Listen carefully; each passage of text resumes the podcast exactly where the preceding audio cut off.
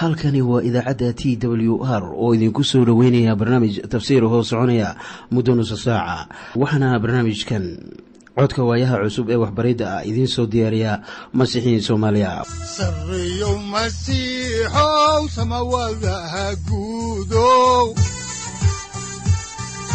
Siraadki adduunkow subanaha eebow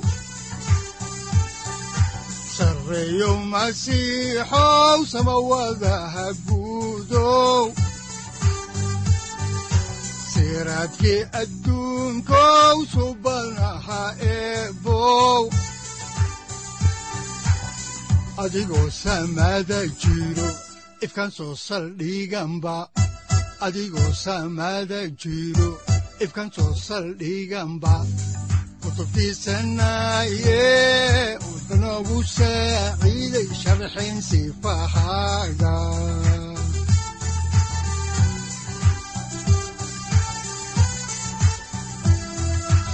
kutubtiisinaayo ebnagu saaciid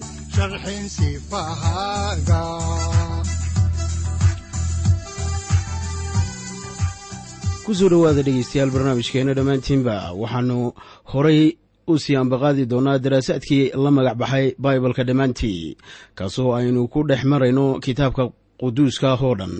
Waxaannu caawi idiin sii wadi doonnaa injiilka sida yuuxanaa u qoray cutubka siddeedaad oo aannu kaga gudbi doonno kan sagaalaad. Waxaanse jeclaan lahayn in marka hore aynu wada dhegaysanno qhasiidadan madiixa ah maadaama aynu ku jirro wakhtigii dhalashadii ciise masiix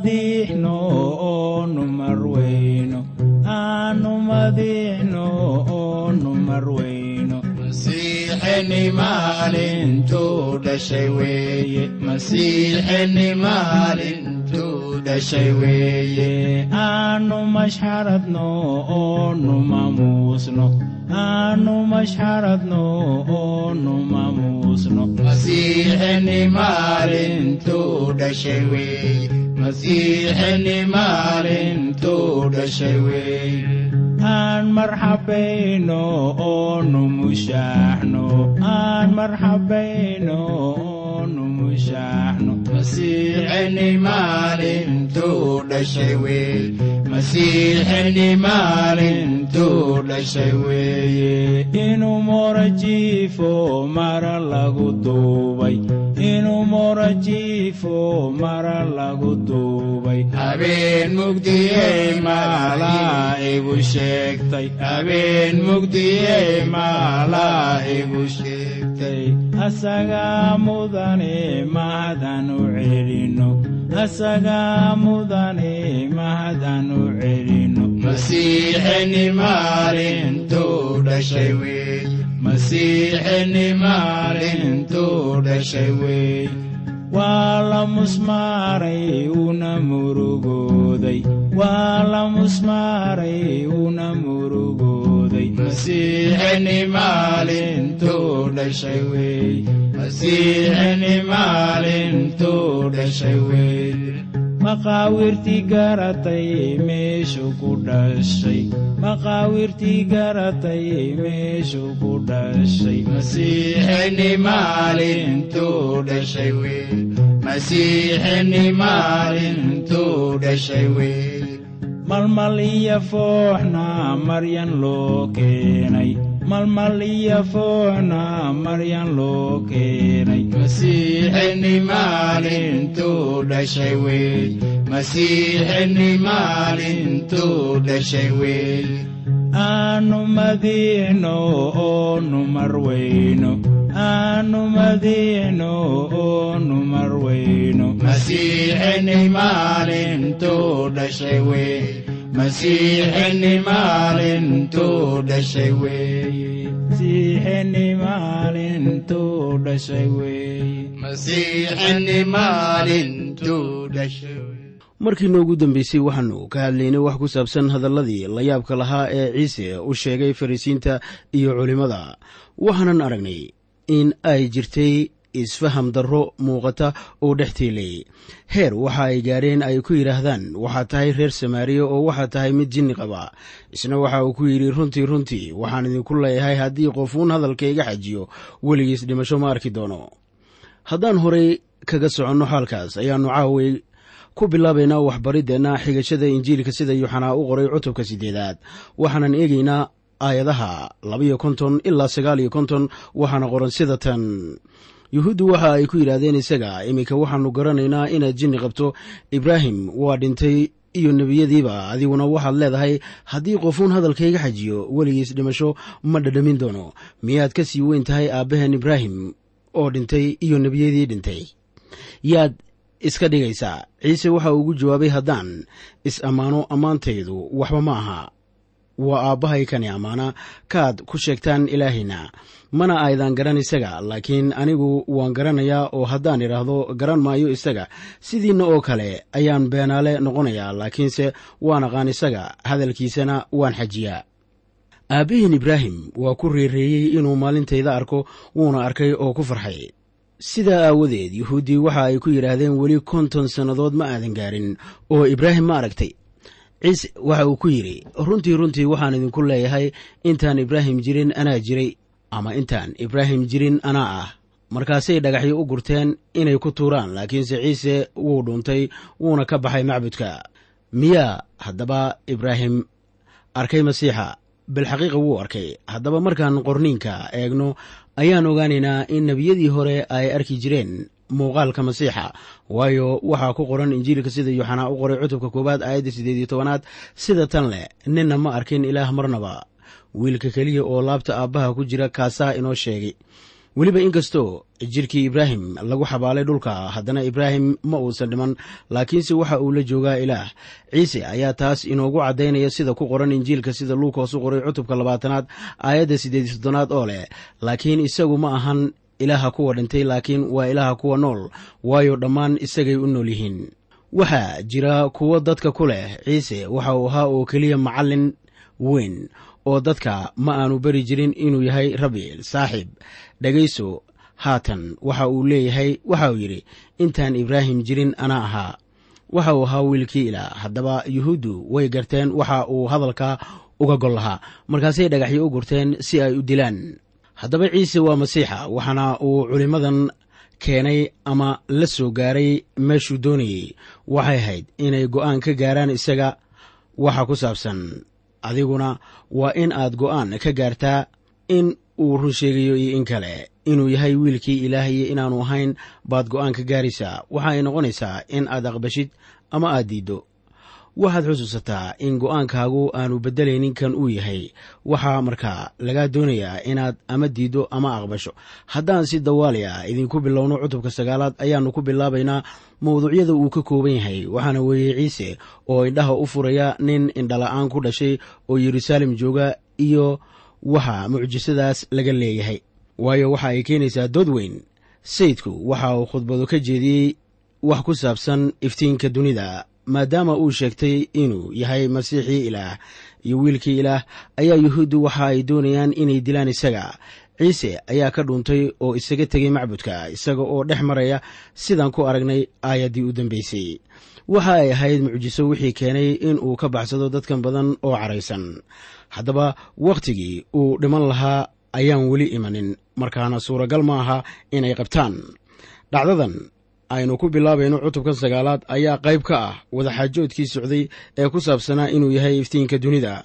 Kuwii ka soo horjeeday ayaa arki waayey sayid ciise waayo iyagu way indhala'aayeen xagga ruuxa. Ninkan indhahala ee qisada ku jira ayaa isaguna aan arki karin ciise inkastoo weliba nuurka dunida uu hortaagan yahay. Laakiin ciise ayaa doonaya inuu isku muujiyo isaga intaanu ninkaas indhahala waxba arkin. Marka hore waa in indhihiisa la cusboonaysiiyaa. Iftiinka waa in marka hore la qaabilaa. Waa in uu jiraa mid helaya iftiinka marka midna soo dirayo. Waxaa sida badan lagu doodaa in haddii geed ku soo dhaco meel aan cidi joogin ayaan markaa jirin cid maqli kartaa shanqarta. Jawaabta waafigaana waxay noqonaysaa in uu jiro sanqadh sida muujadda oo kale u baxaysa laakiin haddaanay jirin dheg maqlaysa oo kala garanaysa waxa dhacaya ma jiro qof u maqlaya sida cod oo kale. Marka waa in uu jiraa qof maqlaya warka loo sheegayo. Haddaba markuu qofka aanu lahayn aragga indhaha ayaanay taasu ka macno ahayn in qofkaasi uusan lahayn iftiinka indhaha. Nuurka indhaha ayaa muujinaya xaaladda indhaha. Haddaba iftiinka dunida ayaa waxa uu bannaanka keenay xaaladdii ruux ahaaneed ee dadka.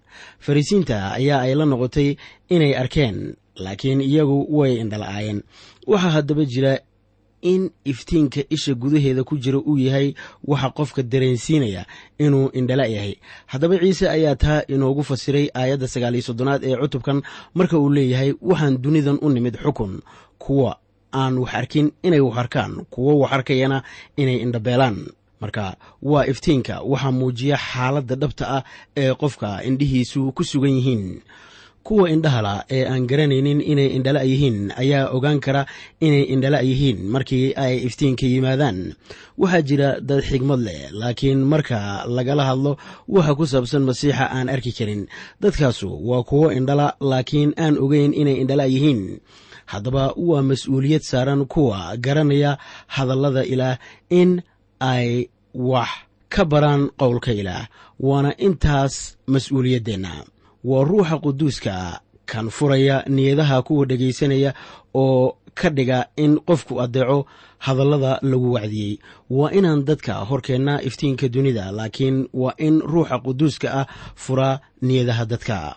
Marka rasuul bawlos ayaa taa talo ka bixinaya sida ku qoran warqadiisii labaad ee uu u qoray dadkii korintos. Cutubka labaad aayadaha shan iyo toban ilaa lix iyo toban oo leh waayo waxaynu ilaah u nahay udgoonka masiixa xagga kuwa badbaadaya iyo kuwa lumayaba kuwa dambe udgoonka xagga dhimashada ilaa dhimasho kuwa kalena udgoonka xagga nolosha ilaa nolol. Haddaba waxaynu isku tirinay inaynu nahay kuwo aan khasaarin haddii aynu helno iyo haddii kaleba waa haddii dad ay maqlaan waxa aan ku wacdiyeyna e hawsha wacdiyuhu waxa weeye inuu iftiinka shido oo uu u hayo ciise oo ah iftiinka dunida xagga sare. Qof baa odhan karaa aawey iftiinka aynu kor u qabanayno.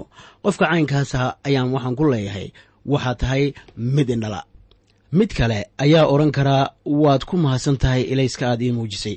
Waan indhalaa haatanse waxbaan arkaa iminkana aynu eegno maaddada ah ciise oo indhaha u furaya nin indhala oo yeruusaalem joogay haddaan markii ugu horreysay idiin bilowno cutubka sagaalaad ayaa waxaa ku qoran aayaddan koowaad sida tan.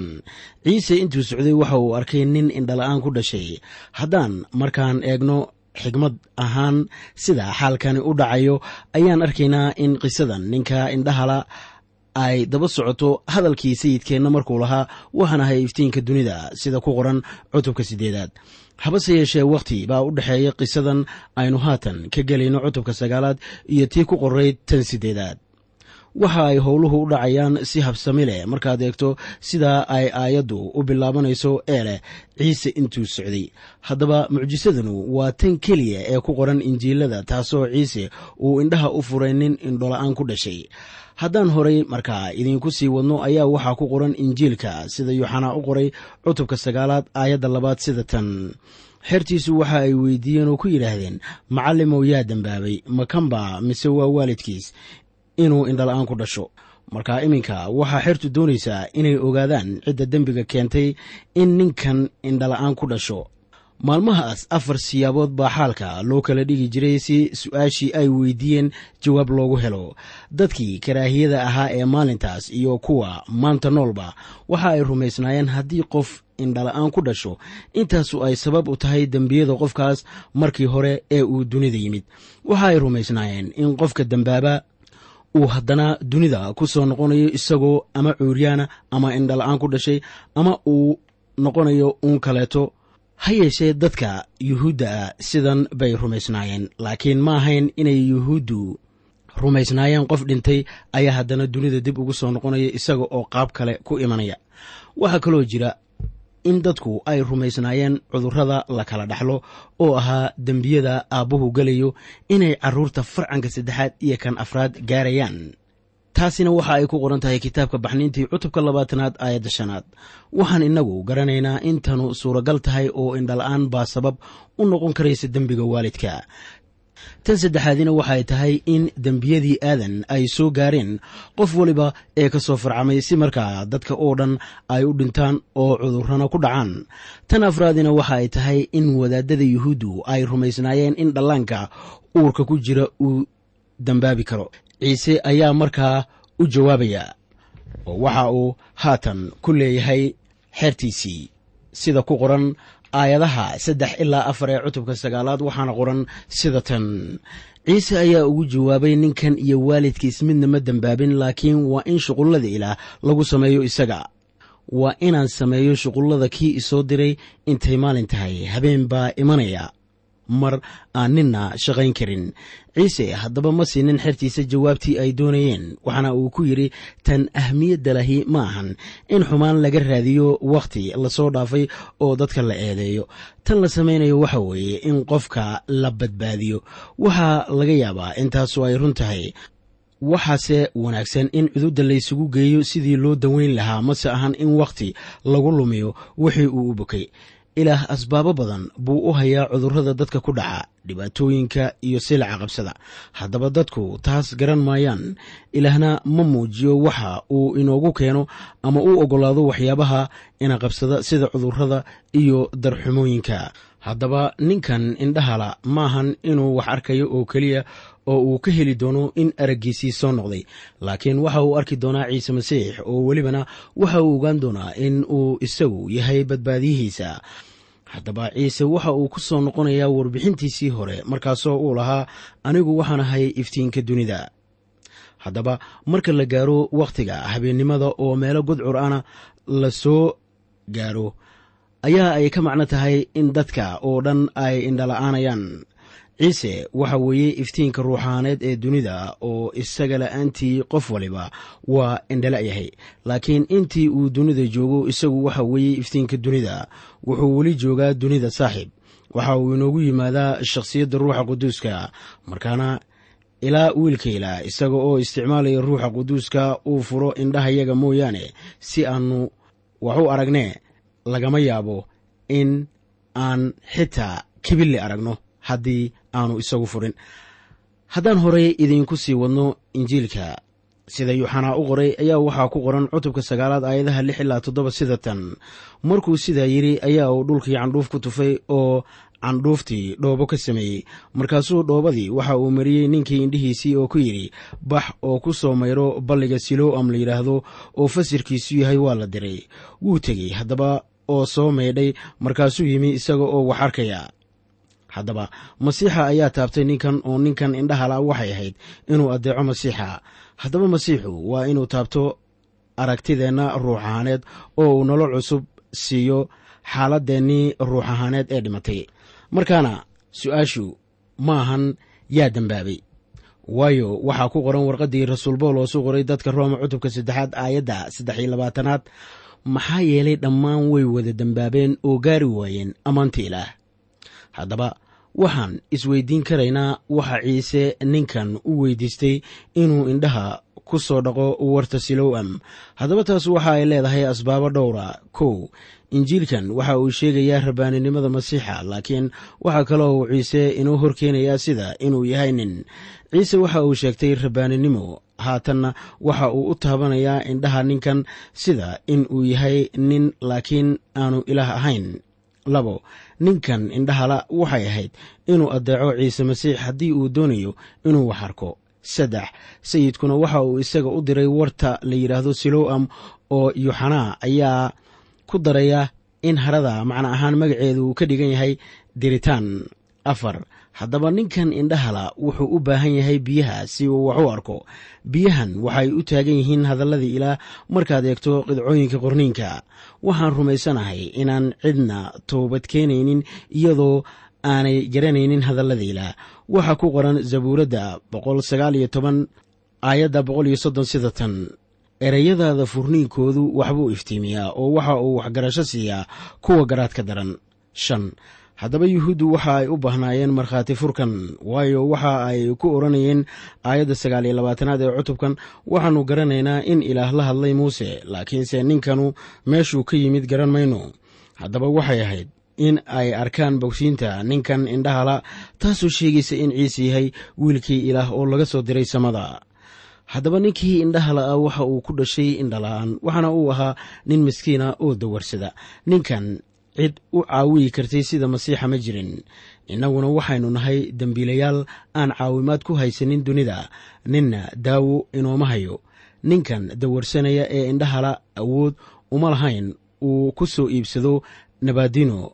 Waxaase ishacyaah leeyahay sida ku qoran kitaabkiisii ku magacaabnaa isaga cutubka konton iyo shan aayadda koowaad baalka sagaal boqol koob iyo afartan sida tan hoy kuwiinna ooman oo dhammow xagga biyaha kaalaya xataa kii aan lacag haysanow kaalaya wax iibsada oo wax cuna kaalaya oo khamri iyo caano lacag la'aan iyo iibla-aan ku qaata. Haddaba marka la leeyahay khamri ayaa loola jeedaa sharaab laakiin ma ahan alkolo. Iminkana bal waxaan eegaynaa sidii dadku ay kaga jawaabeen bogsiintii ciise bogsiiyey ninkan miskiinka haddaba ninkaas miskiinka ninna uma naxariisan. Xertii ciise ayaa waxa ay doonayeen inay ka hadlaan oo innaba ma ayan doonayn inay wax u qabtaan. Haddaba ciise ayaa inoo naxariista oo isaga keliya ayaa ina caawinaya mase ahan dadka. Waxaannu eegaynaa injiilka sida yuuxanaa u qoray cutubka sagaalaad aayadaha siddeed ilaa labaiyo toban waxaana qoran sida tan. Sidaa daraaddeed dariisyadii iyo kuwii hortii arki jiray inuu miskiin yahay waxay yidhaahdeen kanu miyaanu ahayn? Kii fadhihi jiray oo dawarsan jiray. Qaar baa yidhi waa isagii. Qaarna waxay yidhaahdeen maya. Laakiin wuu u egyahay. Isagaa yidhi isagii baan ahay. Sidaa daraaddeed waxa ay ku yidhaahdeen haddaba sideebaa indhahaagu ay u furmeen. Waxa ugu jawaabay ninka ciise la yidhaahdo ayaa dhoobo sameeyey oo indhahayga mariyey. Oo waxa ugu yidhi siloo am u kac oo ku soo maydho sidaa aawadeed ayaan tegey oo markaan soo maydhay ayaan arag helay. Kolkaasi waxa ay ku yidhaahdeen xaggee buu joogaa? Isaguse waxa uu ku yidhi ma ogi.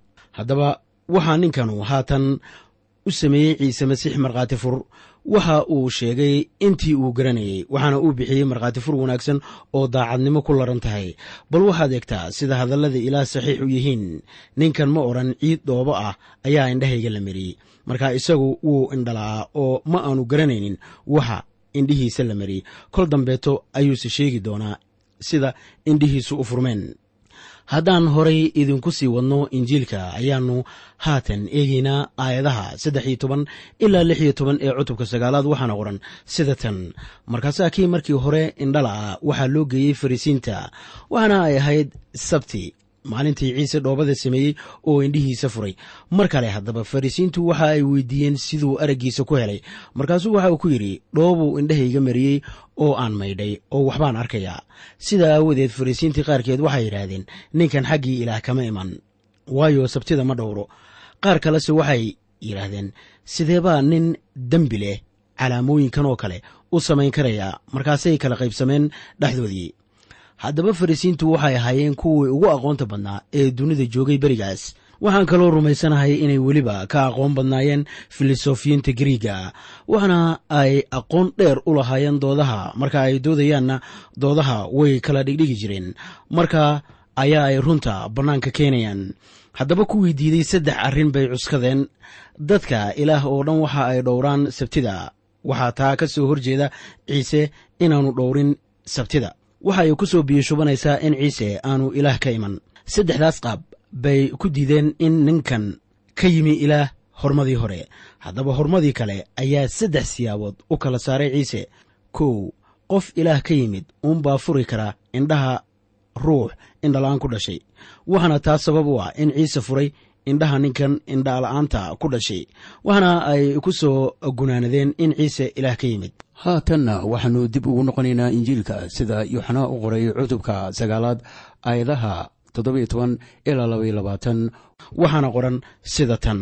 Waxa ay haddaba ninkii indhaha la'aa ku yidhaahdeen maxaad ka leedahay isaga. Waayo waa kan indhahaaga furay e waxa uu ku yidhi waa nebi sida aawadeed yuhuuddu kama rumaysanin inuu indhala oo uu araggiisii helay. Ilaa ay u yeereen waalidkiiskii araggiisi helay oo weydiiyeen iyagoo leh kanu ma wiilkiinniiba aad leedihiin? Waxa uu ku dhashay indhalaan sidee buu haddaba wax ku arkaa? Waalidkiis waxay haddaba ugu jawaabeen. Waannu garanaynaa kani inuu wiilkayagii yahay oo uu indhala-aan ku dhashay. Laakiin siduu hadda wax ku arkayo garan mayno. Kii indhihiisa furana garan mayno. Isaga weyddiiya waa nin weyn. Waa isu hadli doonaaye waxyaalahaas waxay waalidkiis u yidhaahdeen waayo yuhuudday ka baqeen. Maxaa yeelay yuhuuddu waxa ay mar hore ku heshiiyeen in qof uun haddii uu u qirto inuu yahay masiixa sunagoga laga saaro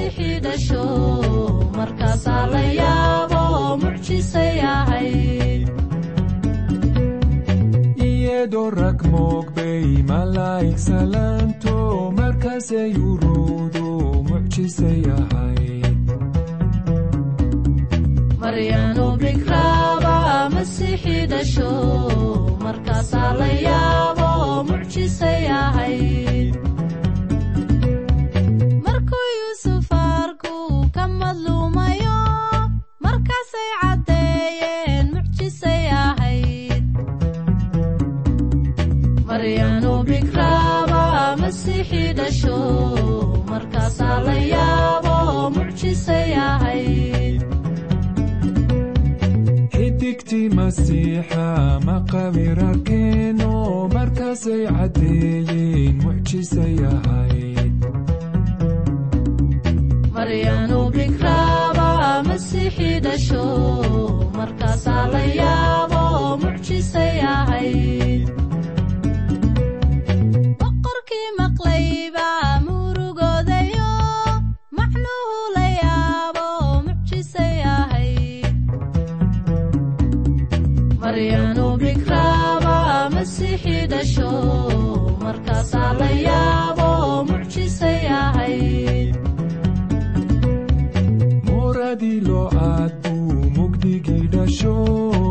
misbax baa la moodo mucjisay ahayd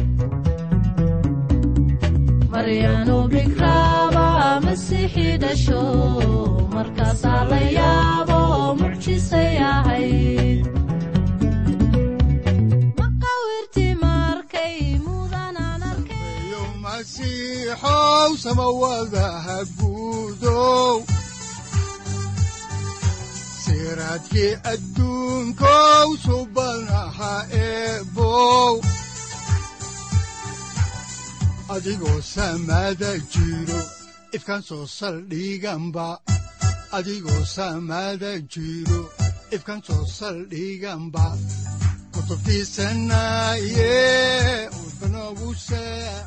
halkani waa t w r idaacadda t w r oo idinku leh ilaa ha idin barakeeyo oo ha idinku anfaco wixii aad caawi ka maqasheen barnaamijka. Waxaa barnaamijkan oo kalea aad ka maqli doontaan habeen dambe hadahan oo kale haddiise aad doonaysaan in aad fikirkiina ka dhiibataan wixii aad caawi maqasheen ayaad nagala soo xiriiri kartaan som t w r at t w r c o k e haddii aad doonaysaan in aad dejiisataan oo kaydsataan barnaamijka ama aad mar kale dhegaysataan fadlan mar kale booqo www t w r o r g amase www t t b t w r o r g. Amase waxaad teleefoonkaaga ku kaydsataa ama ku download garaysataa agabyada. Ku sahli karaa dhegeysiga t w r haddii aad doonayso in laga kaalmeeyo dhinacyada fahamka kitaabka amase aad u baahan tahay duco fadlan fariimahaaga soo mari bogga aaraahda ama kommentska inana jawaab degdeg ah ayaanu ku soo diri doonaa amase ku siin doonaaye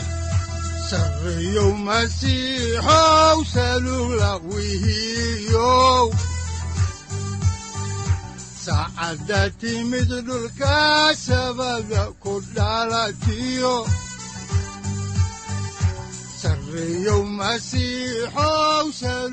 halkani waa t w r oo idiin rajaynaya habeen baraare iyo barwaaqaba leh.